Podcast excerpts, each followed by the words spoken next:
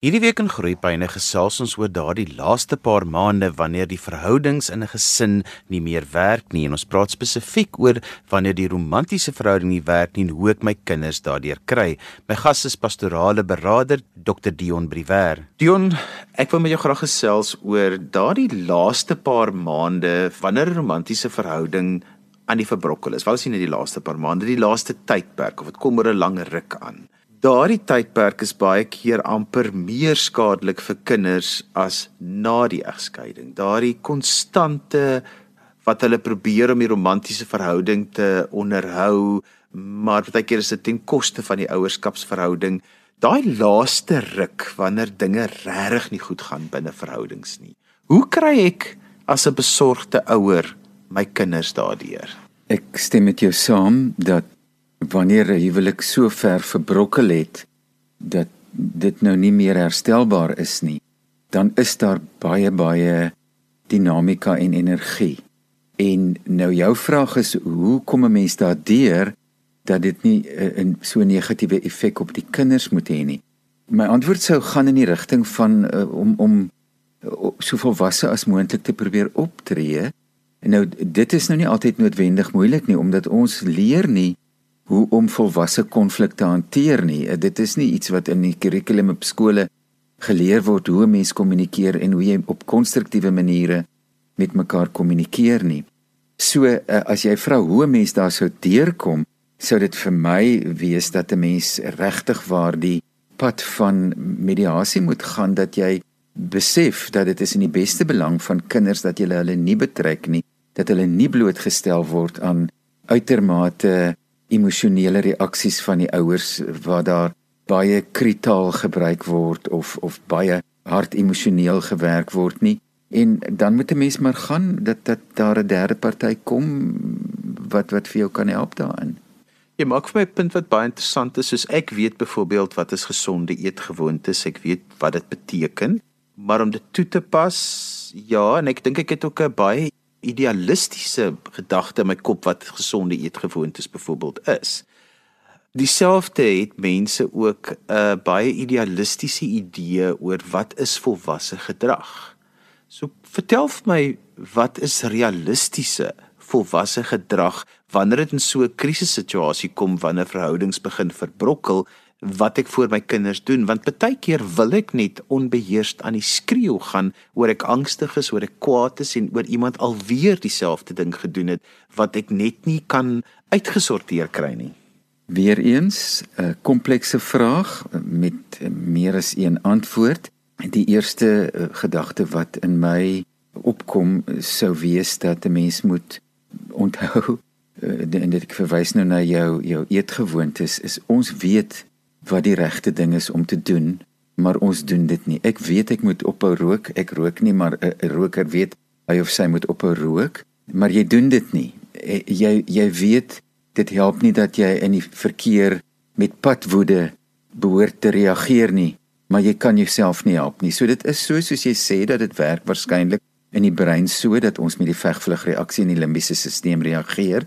Nou is jou vraag nou, hoe maak ons nou as ek so angstig word en as ek op my angs wou reageer, my rigting waarin ek sou dink is dat ons baie bewustelik moet leef. Die Engelse woord daarvoor sou wees dat ons mindful moet leef. Want dit is eintlik maar die enigste manier wat ons as mense dit regkry en ons het die vermoë om dit te doen. Ons oefen dit nie baie nie en dit is om vir myself te kan sê myself, nou wat jy nou doen, is dit nou reg? Ek wil nou eintlik 'n storieetjie vertel hier oor my tuinhulp wat gegaan het vir binnepasiënt alkoholbehandeling omdat hy alkoholafhanklik is en hy die naweek eh, vir my kom vertel het dat hy eintlik baie trots is op homself omdat daar het 'n uh, uh, geld weggeraak by hom en hy moes tussen twee goeie gedagtes besluit. Die een was hy gaan nou drink want hy het 100 rand en sy die daar's geld by hom gesteel. En toe het hy wat hy geleer het in die kliniek besluit. Ek gaan nou vir my koppie tee maak en ek gaan nou eers dink wat is nou die negatiewe gedagte en wat is nou die positiewe gedagte. En toe het hy besluit maar ek gaan nie nou die 100 rand wat ek in my sak het gebruik om alkohol te gaan koop nie, maar ek gaan 'n koppie tee maak en ek gaan dit drink en dan gaan ek met my vrou in 'n baie baie sagte stemtoon praat. En sy vrou het gewonder wat gaan nou met my aan, want dit is nie eintlik ek nie. Sy het verwag dat ek gaan woedend raas. Ek hoop ek het dit aan jou verduidelik. Ja, want jy het in 'n vorige program vir ons gesê dat ehm um, dit belangrik is dat kinders moet sien wat is konflik, hoe jy as ouer konflik hanteer en dat 'n mens dit ook nie altyd perfek hoef te hanteer nie want daar is ook 'n leerkurwe vir kinders in om dit ook so te sien. Maar wanneer dit gaan binne konflik, wanneer 'n verhouding aan die verbrokkel is, dan is daar aan die een kant mos nou maar konflik, daar's die angs wat al die reaksies het, maar daar's ook 'n stuk seer. Hoeveel daarvan deel ek met my kinders? Hoeveel met hulle van bewus wees want hulle voel dit mos nou maar aan dat hierso is 'n groot stuk seer aan die gebeur, maar waar lê die balans tussen wat deel ek en wat deel ek nie want dit bly 'n volwasse verhouding wat aan die skibreek lê is maar die ouerskapsverhouding is nou weer 'n ander verhouding wat nog steeds darm hopelik nog steeds funksioneer van albei ouers se kant af. Ek het altyd die beginsel van grootmens goed bly grootmens goed en kindergoed bly kindergoed. Nou dit is nie so eenvoudig nie. Ek dink 'n mens moet ook verstaan dat kinders is nie dom nie. Kinders neem baie fyn waar en kinders voel aan soos ons in die vorige program gesê het dat daar konflik is of dat daar verbrokkeling aan uh, is. Kinders verskil ook. 'n Mens moet jou kind ken, jy moet weet met watter kind jy wat sou kon deel. Ek het ook die beginsel van 'n mens gee nie meer as wat nodig is nie. So die beginsel sou sekerlik wees waarom wil ek dit met my kind deel? Is dit om my eie spanning te verlig om myself te regverdig of is dit in die belang van die kind wat ek nou moet die, hierdie kennis moet oordra? Eh, so eh, ek is ook baie versigtig dat 'n mens nie altyd te veel oordra nie want jy weet nie wat die konsekwensie daarvan vir die ander party sal wees of dit nou die kind of wie ook al is wat jy dit dan vertel nie. So mens moet baie versigtig daarmee omgaan. So Ek sou weer wou sê as 'n mens jou kind ken, as jy jouself ken, as jy weet wat die redes is waarom jy dan dit, dit sou wou deel en ek dink jy moet uh, inligting deel, maar jy moet dit baie baie sensitief doen en baie berekend doen. En daar's 'n klomp aanpassings wat gemaak word selfs voor dat die lewensmaat uittrek uit dieselfde woning uit of voordat hulle mekaar verlaat, baie bly nog selfs aan tot terwyl die egskeiding aan die gang is, maar daardie veranderings mense slaap nie meer in een kamer baie keer nie of daar is maar groot gevegte daai verandering in rotine daar kom ander dinamika in. Weereens wil ek weet die kinders is tog bewus daarvan. As hulle vra vra hoe hanteer ek dit sonder om vir hulle te jok? Want ek weet as volwassenes praat baie mense sê maar ek wens my ouers het nie so vir my gejok nie dan het ek geweet wat is hier aan die gang? Want hulle baie keer weet kinders net eenvoudig nie wat aan die gang is hulle voel dit net aan. Ek dink ons almal weet dat ons op 'n uh, ouderdoms toepaslike vlak moet gesels met kinders met ander woorde jy gaan anders met 'n voorskoolse kind as met 'n laerskool 'n kind of 'n uh, 'n tiener praat Maar ek dink kinders verstaan ook dat mense soms konflik kry. Hulle het ook maatjies met wie hulle nie altyd saamstem nie. En eh, 'n mens sou op 'n toepaslike wyse eerlik met die kinders kan omgaan dat ons deur 'n moeilike tyd gaan, dat ons besig is om dit uit te werk of dat ons sukkel om dit uit te werk. Maar ek het reeds gesê dat kinders wil sekuriteit hê, kinders wil liefde hê en kinders wil versorging hê of nie hê nie, dit is wat kinders nodig het. En as 'n mens kinders dan verseker van jou liefde vir hulle, dat dit nie hulle skuld is nie, as jy vir kinders verduidelik dat uh, hulle altyd veilig gaan wees, dat hulle altyd jou kind gaan bly en as jy aan hulle die versekering ook verder gee dat hulle in ag geneem sal word en wat ook al gebeur, dink ek is dit die belangrike ding en dat 'n mens ook vir kinders sal sal sê, maar ons is besig om dit op 'n baie verantwoordelike manier uit te werk.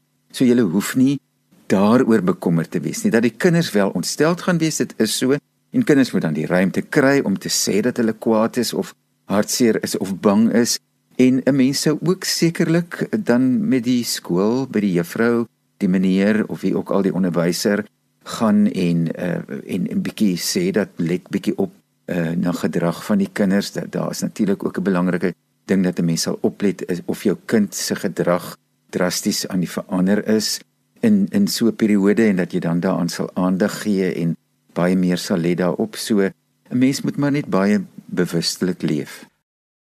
As jy sopas ingeskakel het, jy luister na Groepyne op RSG 100 tot 104 FM wêreldwyd op die internet by rsg.co.za en daar jy kan ook na ons luister op die DSTV se audiokanaal 813. My gas vandag is Dr Dion Briwer, pastorale beraader en ons gesels oor daardie laaste paar maande van 'n verhouding in 'n familie wanneer die romantiese verhouding tussen die ouers erg aan die verbrokkel is en is eintlik daai tyd net voor 'n egskeiding. Onthou jy kan weer na vandag se program luister as 'n potgooi, laai dit af by www.rsg.co.za. Bly ingeskakel, ons gesels net hierna verder. My gas vandag is Dr Dion Briwer, pastorale beraader, en ons gesels 'n bietjie oor die laaste tyd binne 'n romantiese verhouding waar dinge nie meer so reg gaan nie en 'n egskeiding is eintlik nou die enigste opsie wat voorlê. Hoe kry ek my kinders deur daardie spesifieke tyd wat dinge nie so lekker in die familie gaan nie? Dion mens kan nou praat oor egskeidings en die tipe van goed en sê dit is ja, as gedeelde ouerskap en die verantwoordelikhede word gedeel, maar een van die ouers dra maar altyd 'n klein bietjie swaarder as die ander ouer. En daardie ouer wat baie swaarder dra, is ook dan die een wat se stresors amper hoër is, is ook baie keer. Nou sê die kind se gedrag verander en die juffrou bel van die skool af en sê ja, dit is jou vredelewende kind by die huis wat wat omtrent nie eers 'n muur kan doodmaak nie, het 'n ander kind se oor omtrent halfpad afgebyt en nou dis eintlik 'n relatief klein ding wat dit gebeur, maar en daar gebeur nou gedragsverandering en dan voel dit baie keer vir sulke ouers asof dit dit kan nie dit ook nog hanteer nie. Hoe beheer so 'n ouer daardie stresvlakke? Want jou eerste reaksie is dan om eintlik letterlik daai kind aan die oor te gryp en hom omtrent deur die modder te sleep. Johan, die belangrike vir my hier is dat ouers moet na hulle eie geestesgesondheid omsien in hierdie baie baie moeilike en stresvolle omstandighede en situasie. En om dit te kan doen, moet 'n mens byvoorbeeld 'n ondersteuningssisteem in plek hê. Nou, ek weet dit is nie altyd maklik nie, maar want ook die ondersteuningssisteme is baie gepolariseerd. Baie keer ek vat jou kant of ek vat die ander party se kant. So vir my sou ek wou beweeg in die rigting van wanneer daar addisionele stres kom as gevolg van die stres wat die kinders uh, ervaar en die reaksies wat hulle dan ervaar sal die ouers moet vir hulle in hulle uh, ondersteuningsmeganismes gaan inbou plekke waar hulle kan raad kry waar hulle kan voel maar hulle eh, is veilig. Nou eh, dit is baie baie belangrik eh, en ek wil amper sê mens moet maar probeer al is dit dan as jy by die werk is om iemand by die werk te kry as jou familie dalk ver is maar iewers moet jy 'n plek kry om te kan ontlaai of te kan praat daaroor want ons weet die oomblik wanneer jy in woorde kan sit wat binne in jou aangaan dan kalmeer jy as dit ware jou brein So so dit sou nodig wees om voordat jy optree eers dit 'n bietjie te oordink en met iemand daaroor te gaan praat sodat jy in beheer is van jou gedrag want ek dink dit is die belangrike dat 'n mens nie sommer net reageer op emosionele vlak veral as dit kinders is wat wat betrokke is nie. Johan, een van die uitvloeisels van 'n egskeiding wanneer daar kinders by betrokke is, is natuurlik daai skuldgevoel. Dit dit dit is daar. Daar's altyd 'n skuldgevoel. En die interessante ding is want ons het dusver eintlik nog net gepraat van kindertjies wat engeltjies is en wat nou half so die die victims in die situasie is, maar kinders kan ook daardie skuldgevoel uitbuit vir manipulasie en op die ou end 'n baie interessante gemaklike dinamika daarmee vir hulle self vestig. Dis 'n moeilike besluit as jy nou die versorgende ouer is en jy voel skuldig oor wat hier gebeur het. En nou, hoe hanteer ek daardie dinamika want jy moet eintlik so daarteen waak want daardie skuldgevoel dink ek is een van die groot probleme wat op die kinders impakteer in hulle ontwikkeling.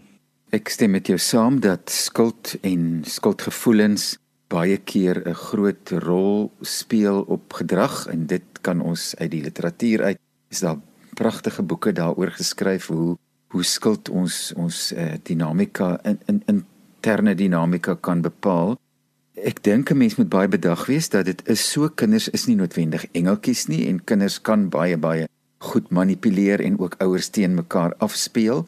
Ek dink vir my sou die ideaal wees dat ouers nadat hulle dan nou deur die egskeiding is op een of ander manier 'n baie sinvolle konstruktiewe kommunikasie patroon ontwikkel dat hulle dit met mekaar sal kan bespreek. Die ongeluk is egter dat wanneer egpare skei, dan is die kommunikasie verbrokkel en dit wat hulle dan nie in die huwelik kon regkry nie, gaan ook nie noodwendig na die tyd reg wees nie. So die eerste prys sou wees as as die ouer daaroor sou kon kommunikeer en dan konsekwent sou optree want dit is die belangrike ding dat 'n mens maar konsekwent met met die kinders sal optree dat daar reëls sal wees dat beide partye eh, in in die egskeiding sal daarop let dat hulle dieselfde tipe van dissipline handhaaf dat dieselfde reëls gehandhaaf word dat dat dit nie makliker is by die een party as by die ander party nie.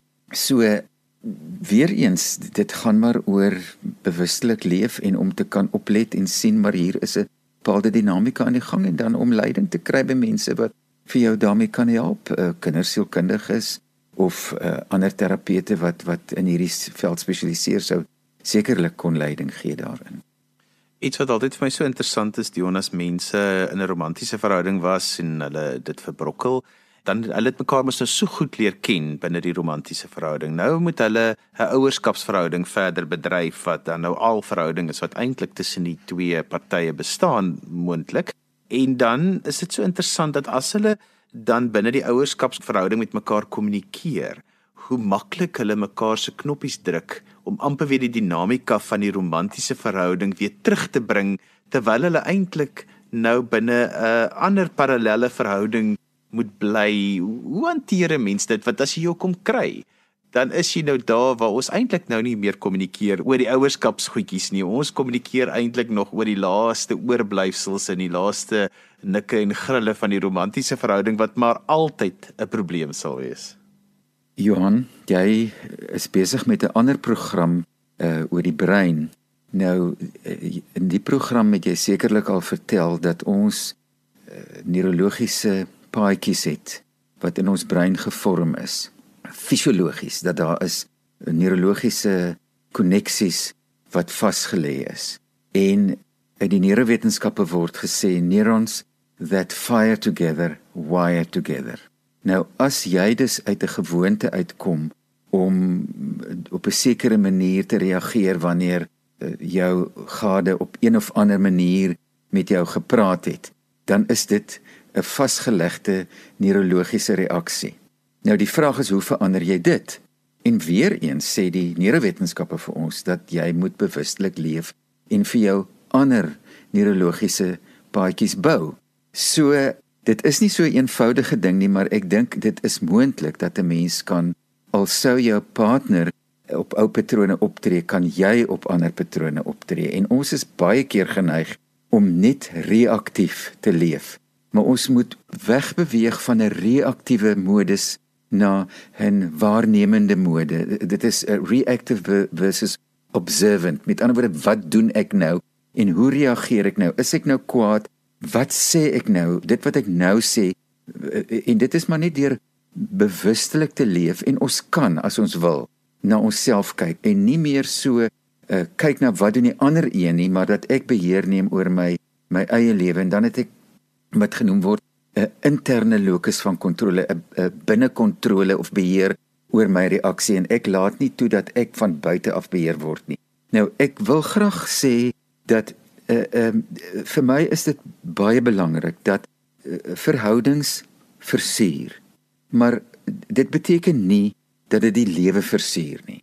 Ons moet kan aanbeweeg as dit gebeur het. En ons moet uh, kan kyk na die lewe en kan reageer daarop. Dit het Viktor Frankl vir ons geleer. Hy was in die konsentrasiekamp en hy het 'n besluit geneem dat hy nie gaan toelaat dat die konsentrasiekamp sy lewe beïnvloed nie, maar dat hy gaan bepaal hoe hy binne die konsentrasiekamp reageer. En ons het die vermoë as ons wil, maar baie keer wil ons nie.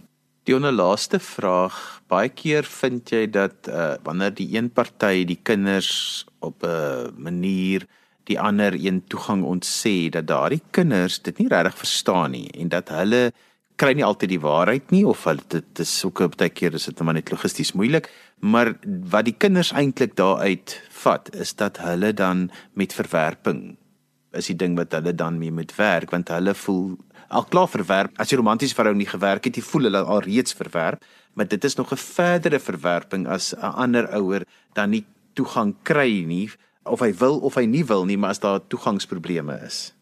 Uh, jy bring nou nog 'n baie 'n belangrike saak uh, saam met die binding en saam met skuldgevoel is die hele kwessie van die soekende aanvaarding en die veiligheid wat dit bring en die belewenis van verwerping en die die negatiewe reaksies wat dit in ons siege bring uh en en so dit is 'n baie belangrike ding. En jy is reg dat verwerping eintlik in in so 'n verhouding wat dan nou nie uh uitgewerk het nie, ehm um, dit 'n baie belangrike ding is en 'n mens sou sekerlik met die kinders daaroor baie baie sterk moet werk. Want wat is dan nou hoe hoe werk 'n mens dan nou verwerping te en in my verstaan sou dit sekerlik gaan oor aanvaarding oor onvoorwaardelike aanvaarding deur 'n uh, liefde deur empatie deur begrip. Dit dit dit sou die die die rigting wees wat ek beweeg. Maar jy is reg dat as ouers dus nie uh, die uh, gedeelde toegang het tot die kinders nie. Dan moet ouers weet dat hulle hulle werk in 'n baie baie sensitiewe aspek van die ontwikkeling van die kind. En en dit is die hele kwessie van om aanvaar te voel om in hulle self aanvaar te voel. Want waar anders kry jy dit as by jou ouers om daai aanvaarding te ervaar? En ons weet dat die die aanvaarding van beide partye is baie baie belangrik vir selfaanvaarding Dionas mense met jou wil verder gesels en hulle wil kontak maak, hoe kan hulle dit doen? Ek wil net by sê dat jy net met volwassenes werk en nie met kinders nie. Ja, ek ek werk regtig waar uh, nie met kinders nie want ek glo daar is mense wat gespesialiseer is om met kinders te werk. Uh my fokus is ouers of uh, volwasse verhoudings. Maak nie saak of dit 'n huweliksverhouding of wat se verhouding dit is nie. Ek werk daarmee en en my webwerf is www.dionbrouwer.co.za. En so gesels pastorale beraader Dr Dion Briwer. Onthou jy kan weer na vandag se program luister as se potgooi, laai dit af by rsg.co.za. Skryf gerus vir my e-pos by groeipyne@rsg.co.za. daarmee groet ek dan vir vandag tot volgende week van my Johan van Lille. Totsiens.